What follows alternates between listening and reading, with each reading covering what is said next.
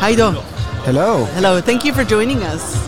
My pleasure. Uh, can you introduce yourself, please? Yes. So my name is Ido Neeman. I'm the founder, co-founder, and CEO at uh, Firefly, which is a cloud asset management solution.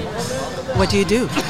Um, so at Firefly, we help platform teams, so DevOps, SRE, and platform engineering teams to solve cloud complexity. You know, now with the cloud, just look at look around us, right? You have so many vendors, so many practitioners, so many methodologies, and new technologies that are embarking to the cloud every day. It's just so complex. So what do you do? You gotta have a proper dedicated management solution for it. So this is what we do at Firefly. We start by giving you a full discovery um, of your cloud footprint. So obviously AWS, we're here in AWS Summit, but also GCP, Azure, Kubernetes, serverless, OpenShift, but also not forgetting all the very important SaaS applications that became an integral part of our platform, like our Datadog, our GitHub, GitLab, our Akamai, CDNs, NS1s, DNS records, and, and, so on and so forth. So everything in one place. Then we scan them to tell you which part of it is properly managed and codified versus unmanaged, misconfigured, or inefficient. And once we find those issues and problems, we don't stop at alerts. We give you fixes and automatic remediations to solve them to have your cloud the most efficient way, uh, running the most efficient way as possible. Why Firefly? Um, so firefly, like the, the creature, the insect, is a very small creature that sheds a very big light. So same as firefly, we're still a very small, young company, but we shed a very big light on our customers' clouds. If your company was a superhero, what superpower would it have? Oh, um, I would say. So the closest insect is Spider-Man.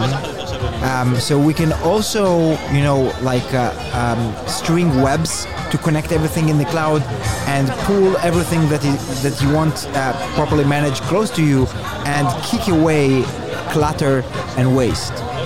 How would you explain the cloud to a 10-year-old? I think 10 years old uh, understand better than us what cloud is because for them this is the way of life. Uh, but but probably I'll say it's an efficient way to run games and watch YouTube videos from everywhere in the world. Sounds fun. Yeah. What do you love about what you do?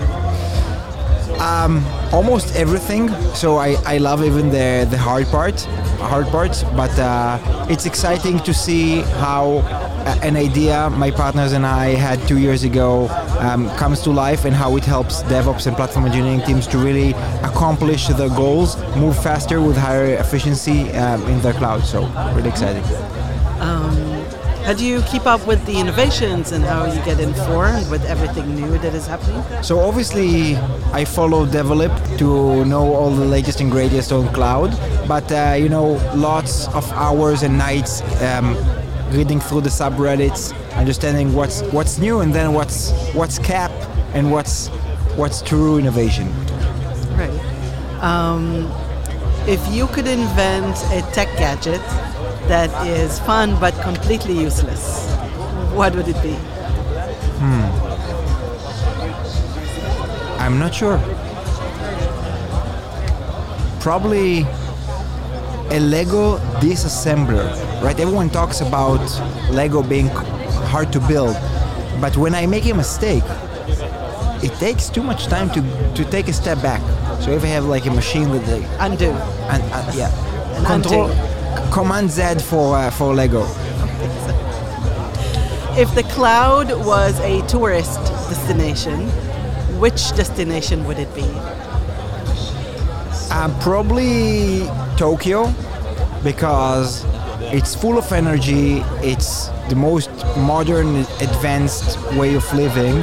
Um, it's filled with people that are natives, but also lots and lots of tourists and people that are just skimming around. And um, it was built by many people that uh, lived on ramen for many years as, as startups founders. So that's good.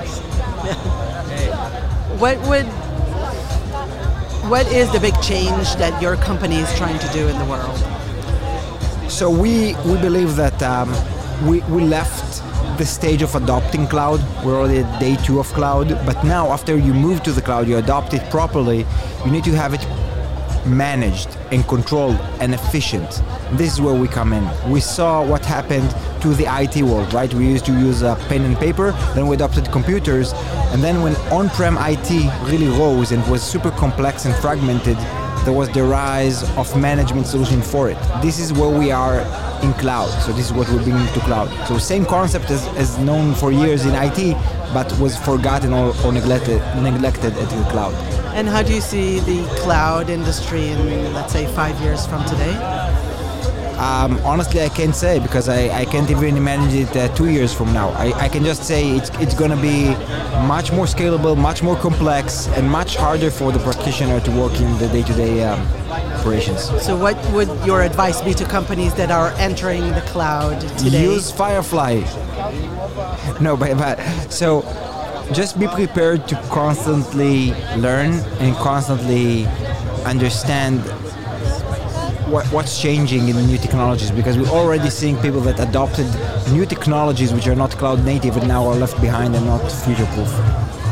And last question. Um, what should we change in the cloud to make it produce more rain? More rain? Oh my gosh.